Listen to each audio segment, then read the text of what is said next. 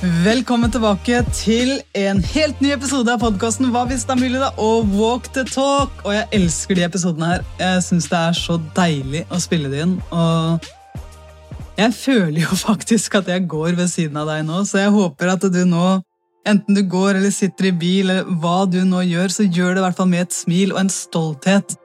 Og start nå med å kjenne etter. Hva er det du kan velge å være oppriktig stolt av fra den uka som har vært nå? Hvis du virkelig vil. Hvilke øyeblikk er det som popper opp? Hva har du gjort? Hvem har du vært sammen med? Hvordan har du bringt energi inn i de møtene? Hvordan har du tatt noen valg som du kjenner ah, Yes! Det der, det er jeg stolt av.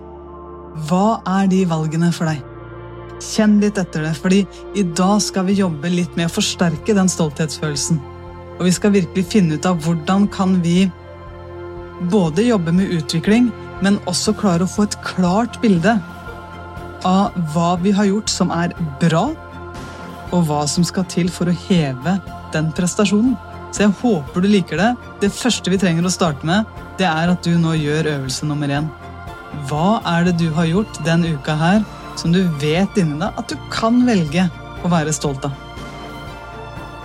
Og du, dra på litt. da. Det er ikke nødvendig å være beskjeden. Det er ikke nødvendig å drive sånn der Nei, nei, nei, det der trenger ikke jeg være stolt av, fordi det er noen andre som gjør det bedre. Drit i det. Du er deg! Du lever ditt liv. Det er du som gjør de tingene her, og det er du som har all mulig grunn til å være stolt. Så vet du hva? Kjør på! Overøst deg sjøl med komplimenter. Finn de bitte, bitte, bitte små tinga. Jeg husker så godt jeg, at jeg ansatte Heidi Løke som min personlige hauser i et av mesterskapene. og Hun gjorde for så vidt det med meg òg. Og vi, vi, virkelig da bare løfta hverandre opp for hver minste lille ting. I tilfelle vi noensinne skulle trenge det. Og vet du hva, det trengte jeg faktisk i et av de mesterskapene. For det, det er litt press. Det er litt kritikk noen ganger, og da er det godt å ha en person der i tillegg til meg sjøl som faktisk bare løfter meg opp, og som ser de små tinga. Og vet du hva jeg husker? Vi skulle starte en kamp, vi skulle spille mot Ungarn. Og dommeren sier sånn You ready? Og Heidi bare No, no, no, no, no, no. Hun lata som hun bøyde seg ned og knøyt lissa si. Og så ser hun på meg før dommeren starter kampen, og så sier hun Anja! Jeg så at du òg klarte å knyte lissa di i stad, med klister på henda. Det er råbra jobba! Så de bitte små tinga, det er faktisk noe å være stolt av. Det er, noe å bare minne seg på. Det kan godt virke flåsete, men jeg tror virkelig på at vi trenger ikke gjøre ting så vanvittig alvorlig heller. ass. Så hva er det du Hvis du bare, hvis du skal være totalt flåsete, da Selv i de mest kanskje krevende situasjonene, litt sånn som Heidi gjorde med meg den gangen Hva er det du kan velge å være stolt av? Hvis du virkelig vil. Hva er det du kan velge å feire med den uka som har vært? Hvis du virkelig vil, hvis du drar på til den minste selvfølgeligheten. Hva er det du kan velge å feire? Og gjør det her med et smil rundt munnen nå. Gjør det her sånn, for vi skal rette fokuset mot det i dag. Så det her er en god oppvarming til det vi skal rette fokuset mot. Gjør det, gjør det, gjennomfør det. Hva kan du velge å være stolt av hvis du virkelig vil?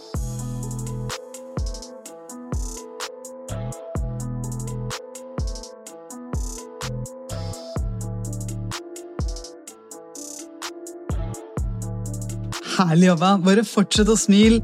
Vær det skjønne vesenet du er. Og du vet at eh, Hvis jeg ser deg, og du nå går og smiler, så ville jeg tenkt wow, det har jeg lyst til å gjøre òg. For det, smitter. Så bare gjør det som eh, Sitter du i bilen, så smil til den ved siden av deg. Bare fordi du kan. Hvis du vil, da. Ikke fordi jeg sa det, men fordi du faktisk vil. Jeg gleder meg nå til å dele en historie med deg.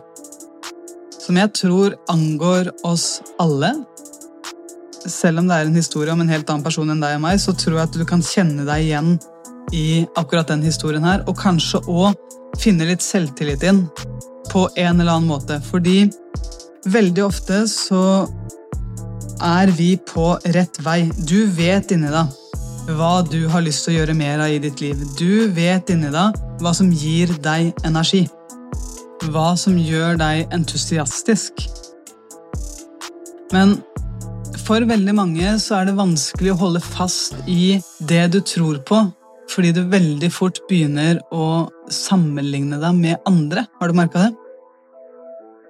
At det er veldig fort gjort å snu litt på hodet og se hva alle andre gjør, og så tenke at å, da må jeg sikkert klare det samme, eller da må jeg sikkert gjøre det samme for å lykkes. Og i noen tilfeller så er det lurt å hente inspirasjon fra andre. I andre tilfeller så er det lurt å kikke på hva er dine spisskompetanser. Hva er det du er god på? Sånn at du kan gjøre deg. Sånn at du kan gjøre deg god, og sånn at du kan gjøre det som er riktig for deg å gjøre. For det er ikke helt sikkert at det som er riktig for alle andre å gjøre, er det samme som er riktig for deg å gjøre. Så jeg håper at du kan bruke det her sånn som både en sånn følelse av at ja, jeg kan være stolt av det jeg har å by på. For hva hvis det er mulig at det er mer enn nok? Hvis jeg dyrker det,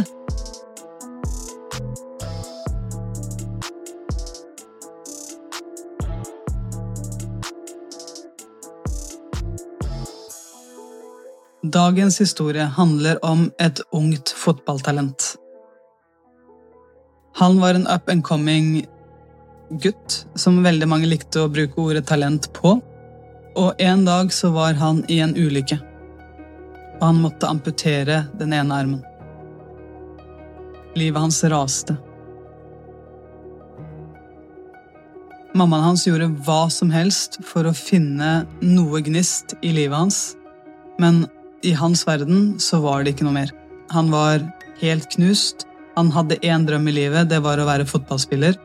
Og pga. armen så bare følte han seg helt teit hver gang han kom på trening. Og han følte at han blei dårligere og dårligere. og dårligere. Han, han fiksa det ikke lenger. Men en dag så kjørte de bil rundt i byen, og så ser plutselig mammaen hans at uh, han snur på hodet som om, noe har finnet, som han har funnet en eller annen interesse et sted. Det er så lenge siden hun hadde sett at han var interessert i noe som helst, at hun snudde på hodet sjøl, og så ser hun at han hadde kikka på en stor gruppe mennesker som sto og trente judo. Og så spurte hun er det noe du kunne tenke deg. Og så så jeg et lite smil i munnvikene hans, og så sa han ja, faktisk. Hun stoppa bilen umiddelbart, gikk rett ut og begynte å prate med treneren. Og den lille gutten sto ved siden av henne. Treneren så på den lille gutten, og så sa han at uh, Jeg tror på deg. Og hvis du vil, så skal jeg trene deg, og jeg er villig til å trene deg gratis. Og så sier den lille gutten, ja, men coach, jeg, jeg mangler venstrehånda mi. Jeg har ikke en venstre arm. Vil du trene meg, meg gratis? Han lille gutten ble helt satt ut. Så sier treneren, 'Jeg tror på deg, og hvis du gjør det jeg sier, så tror jeg du vil nå langt.' Dagen etterpå begynte den lille unge gutten å trene med sin nye coach. De trente fire dager i uka. Coachen plasserte, for I judo så var det sånne drakter hvor coachen da han klipte av venstrearmen på den drakta, sånn at den skulle passe denne lille gutten sin kropp perfekt. Og Han begynte å trene, og han trente forsvar, forsvar, forsvar og én angrepsrulle. Det var det eneste han trente. Og Etter hvert så begynner den lille gutten å kikke rundt seg, sånn som veldig mange av oss gjør. Vi kikker rundt oss, og det den lille gutten da så, det var at Men coach! Jeg har vært her i tre måneder nå. Og jeg har bare øvd på forsvar og én angrepsrulle. Én angrepsteknikk. De andre har begynt på mange flere teknikker angrep. Jeg kommer til å bli grusa hvis jeg skal i konkurranse. Jeg kan ikke gjøre det her mer. Treneren sier, 'Jeg tror på deg hvis du gjør som jeg sier'. Og den lille gutten fortsatte. Han hadde fortsatt bare forsvar og ett trekk i angrep å kjøre. Ett år gikk, og gutten begynte å bli frustrert. Men coachen sa bare det samme. Du har trent her nå fire dager i uka i ett år. Jeg tror på deg. Jeg gir deg det du trenger. Stol på meg. Og den lille gutten fortsatte. Men når det hadde gått to år, og han begynte å se rundt seg en gang til, så begynte han å se at nå har de andre kommet så langt. De kan så mye. Hvem er det jeg trodde jeg var, som kunne gjøre det her med bare én arm? Så den unge gutten fikk tårer i øynene, gikk bort til treneren sin og sa jeg setter pris på at du prøvde. Jeg setter pris på at du hjelper meg, og jeg vet at du har fått meg gjennom to tøffe år, men jeg må gi meg nå. Det her, det begynner bare å bli en vits. Jeg vet at jeg ikke har en fremtid her. Men takk. For jeg har lært meg mye, men jeg ser også min begrensning. De andre har to armer, jeg har bare én. Coachen så på den lille gutten og så sa han at eh, jeg hører hva du sier. Og jeg regna med at den dagen her ville komme. Men jeg vil be deg om å være med på én konkurranse. Og så skal du få gi deg etterpå. Hvis du ikke liker det. Men du er klar. Så hvis jeg har gitt deg to av mine år, kan du da gi meg én konkurranse? Den lille gutten kikka på coachen sin og sa ja, jeg kan det. Han grua seg litt, for han kikka jo fortsatt rundt seg, sammenligna seg med de andre og så at de hadde noe han ikke hadde. Bokstavelig talt. Og når han kom inn på denne konkurransen, så hørte han jo folk snakke om han som gutten med én arm. Og Kampene starta. Kamp én han vant. Kamp to han vant. Kamp tre han vant. Så kommer han helt opp til finalen. Og han møter en av de beste, selvfølgelig, da, i finalen. Og den han møter, kommer bort til henne, og så sier han aha, du vet det at grunnen til at du har vunnet nå, det er at uh, folk syns synd på folk med én arm. De har latt deg vinne. Jeg er ikke en sånn en. Jeg kommer ikke til å la deg vinne. Så du, lykke til. Den lille gutten fikk tårer i øynene, kikka på coachen sin og tenkte er det sant? Har de latt meg vinne fordi de syns synd på meg? Har de virkelig latt meg vinne fordi de syns synd på meg?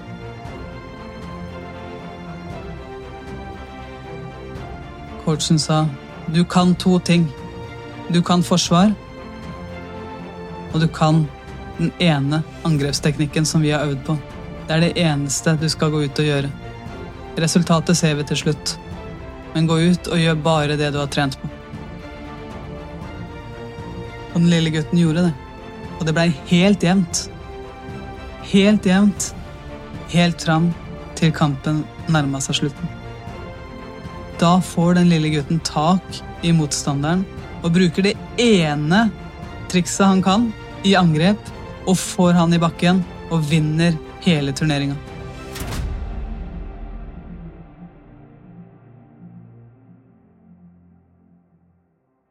Når han blir løfta fram som en vinner, begynner den lille gutten å gråte. Og han blir sint, og han går mot treneren sin, og så sier han Jeg er ferdig. Jeg gidder ikke det her. Det her er fake. Jeg fortjener ikke den seieren. Jeg har én arm. Jeg vet at han faka. Jeg vet at han lot meg vinne. For hvem kan tape for én med én arm? Og i denne frustrasjonen så er det første gang at coachen heva stemmen. Og så sier han Vet du hvorfor du vant? Ja! Vet du hvorfor du vant? Ja! Vet du hvorfor du vant med akkurat det ene trikset vi har øvd på? Nei.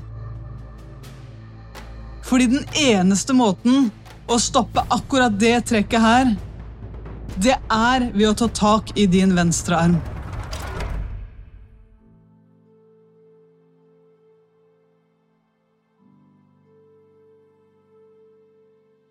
Hva er det her for deg?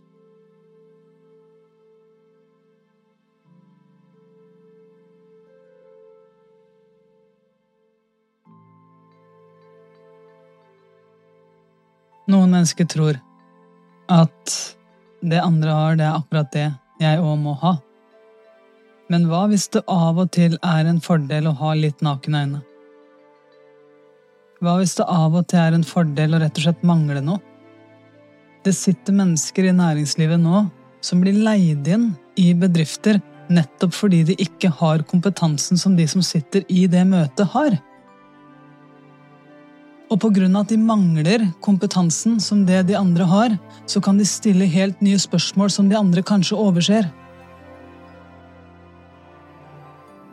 En god coach kan coache mennesker som gjør noe som han eller hun aldri har gjort.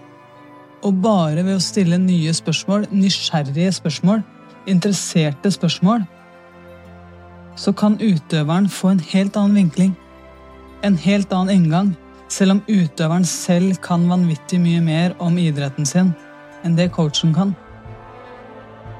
Så det er ikke alltid at vi trenger kompetansen som alle andre har for å kunne gjøre en forskjell.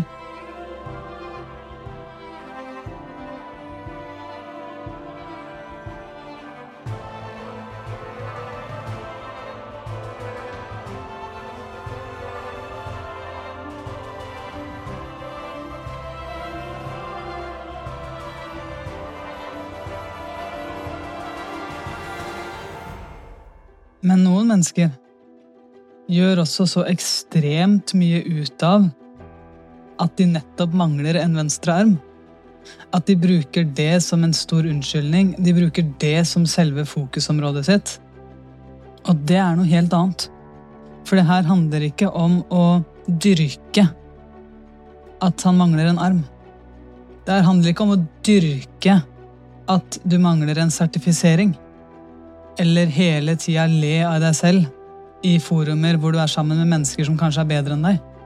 Hele tida sette deg selv under dem og påpeke den svakheten, den svakheten, den svakheten. Nei, nei, nei, det er ikke det det handler om. Det her handler om at du har det du har. Hvordan kan du gjøre det beste ut av det? Det er det det handler om.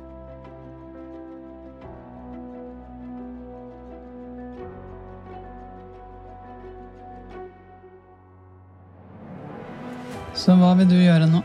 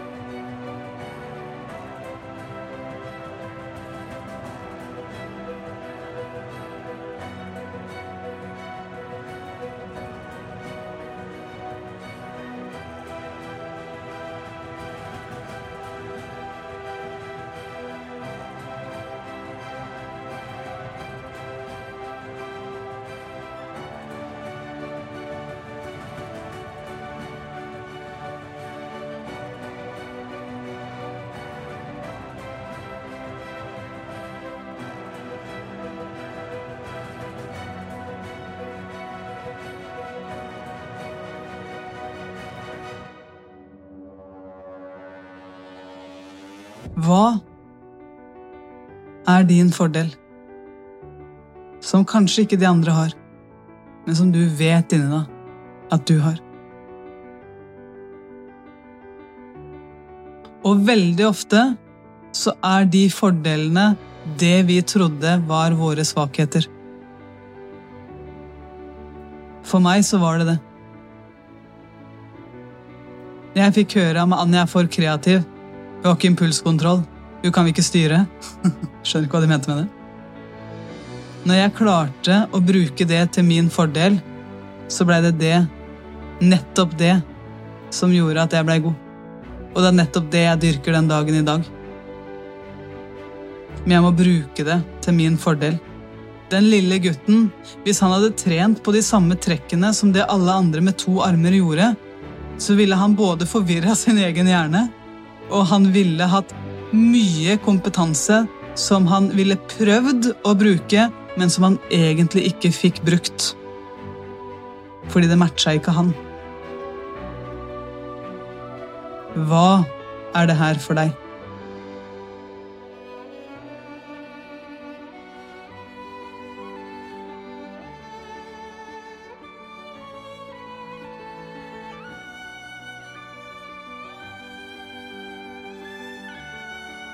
Hva er din spisskompetanse? Hva er din urettferdige fordel som kanskje bare du har, sånn som den lille gutten her hadde? Alle så på det som en svakhet. Denne motstanderen den kan også bli sett på som din indre motstander. Han som sier at 'tror du ikke de andre bare har lagt seg for deg'? Tror du ikke de bare har faka at du har vunnet for å synes synd på deg? Den indre stemmen der, den har lyst til å grave der det kan være vondt. Hvis du klarer da å skifte perspektivet sånn som coachen gjorde, fokuser på det som er din greie. Fokuser på det som er din greie. Hva er din spisskompetanse, og hvordan kan vi gjøre det til din styrke? Hva er det du elsker å gjøre? Hva er det som er unikt for deg? Og hvordan kan vi dyrke akkurat det? Hvis du går tilbake til meg for å gjøre et eksempel før du nå begynner å jobbe med deg sjøl Jeg er en kreativ skaper. Jeg har vært på håndballbanen, jeg er det nå. Veldig mye av det jeg skaper, det, det skaper jeg I min mentale verden så gjør jeg det til en jobb. Jeg vet at jeg, når jeg dyrker min kreativitet, så både elsker jeg det jeg gjør, og jeg har lyst til å gjøre det mye. For det er det vi elsker, det har vi lyst til å gjøre mye. Og hva er det her for deg? Hva er det som er din spisskompetanse? Det vi ofte overser i det her, det er at knytta til den spisskompetansen, så er det også behov. Har du merka det?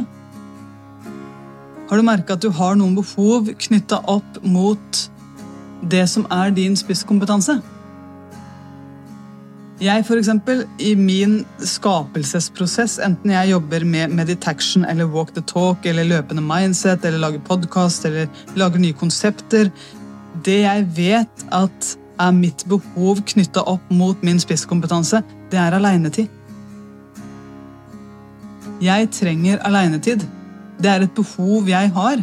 Og hvis jeg ikke får det, så kan jeg føle meg sliten. Der veldig mange kan tenke at jeg eksempel, jobber mye eller gjør mye, det er det som gir meg energi. Og det er kanskje unikt for meg.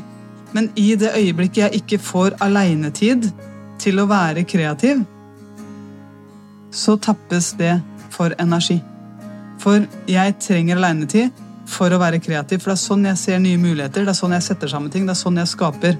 Og ut ifra alle de menneskene jeg har møtt, hvert fall, så er deres styrker også knytta opp mot ulike behov. Og jeg ser litt på det her sånn som en fugl. En fugl kan fly, men hvis du ikke bruker dine styrker, hvis ikke du bruker dine spisskompetanser, hvis du ikke gjør det som er ditt indre gull, så blir det litt som en fugl som ikke bruker vingene sine. Fuglen kan jo gå rundt på bakken, men den vil jo ikke få oppleve den friheten det er å bare flowe rundt skyene. Å får lov å fly der sånn, og gjøre det som er dens naturlige greie å gjøre. Og jeg tror det er litt sånn for oss òg, at hvis vi ikke gjør det som er riktig for oss, hvis vi hele tida skal kikke oss til sidene og sammenligne oss med alle andre og se hvor langt de har kommet, istedenfor å bruke våre egne styrker og gå all in og kunne bidra med det vi har der, da, så tror jeg det vil begrense oss. Jeg tror det kommer til å gjøre at vi mister en del muligheter for utvikling og også for suksess. For akkurat sånn som at en fugl skal få lov til å fly skal få lov å oppleve følelsen det er å fly. Det er meninga at en fugl skal fly, og akkurat sånn så tror jeg at det er meninga at vi mennesker skal bruke vår unikhet, våre ferdigheter, til å kunne bidra. Til å kunne bidra for noe som både gjør vårt liv innholdsrikt, men også andre sitt. Vi har muligheten til å bidra for andre på en helt ny måte.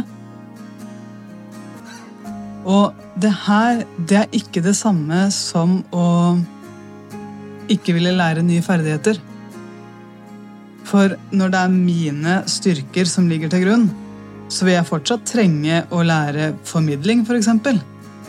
Jeg trenger fortsatt å lære når jeg skal snakke fort fordi det er fremdrift i historien, når jeg skal snakke rolig fordi at vi trenger litt tid til refleksjon, og når jeg skal snakke med litt lenger mellomrom mellom ordene. Jeg trenger å kunne snakke her oppe og være entusiastisk av og til, ikke veldig ofte, for det syns jeg er slitsomt, men jeg trenger også å snakke med en roligere og dypere stemme her nede. Særlig hvis jeg skal guide i meditasjon. Så det her er ferdigheter jeg trenger å lære meg sånn at jeg kan bruke kreativiteten min. Og jeg husker jo veldig veldig godt hvordan det var å skulle begynne å trene på det her. Jeg kjøpte meg jo timer hos en sangpedagog. Jeg synes det, det, det er det kleineste jeg noensinne har gjort. Men det blir en naturlig konsekvens av at jeg har lyst til å gjøre mer av det jeg elsker. Så nå over til deg, da. Nummer én. Hva er din unikhet? Hva er din venstre hånd?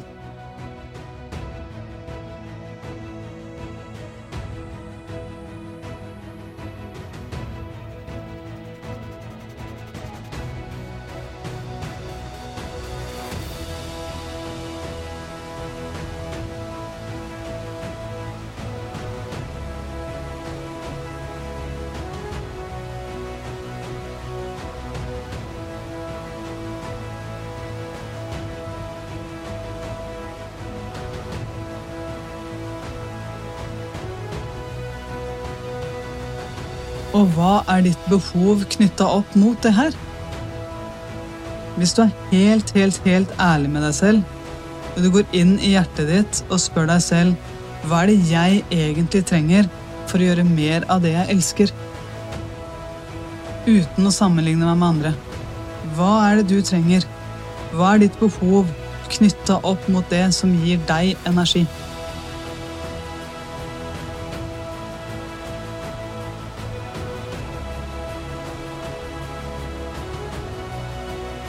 Og hva er det du har lyst til å lære deg? Som kunne gjort den spisskompetansen enda bedre, sånn som den lille gutten. Han lærte seg ett trekk, han. Han lærte seg forsvarsteknikk, og så lærte han seg én angrepsrulle. Hva er det her for deg? Han måtte trene mye for det. Det er ikke sånn at det kom gratis til ham bare fordi han mangla en hånd. Han trente ganske mye for å komme seg dit. Hva er det her for deg? For meg så var det sangtimer. Hva er det du har lyst til å øve på, hva er det du har lyst til å trene på, nå som du vet hva som er din spisskompetanse? Og det her kan være overalt i livet. Det her kan være på jobb, det kan være på håndballbanen, det kan være på fotballbanen. I det øyeblikket du våger å tappe inn i det. Hvis jeg tar et håndballeksempel, f.eks. Jeg hadde lyst til å ta imot ballen i lufta i en flyver, snu meg rundt, skyte ballen bak ryggen. For å klare det så var jeg helt avhengig av spenst, for jeg måtte henge ganske lenge i lufta. Og ifølge treneren min så var jeg dårligere trent enn bestemora hans, som da senere viste seg å være død. Så jeg hadde et ganske dårlig utgangspunkt, men jeg visste hva jeg ville. Og jeg fikk brukt kreativiteten min til å skape noe som ikke hadde vært gjort på en håndballbane før. Og derfor så visste jeg inni meg at jeg trenger å trene spensttrening. Og åtte år senere så gjorde vi det her, på en landskamp mot Russland. Kjempegøy. Men jeg vet at jeg trenger å investere tid i å lykkes. Men hva er det du er villig til å investere tid i som gjør det verdt det for deg?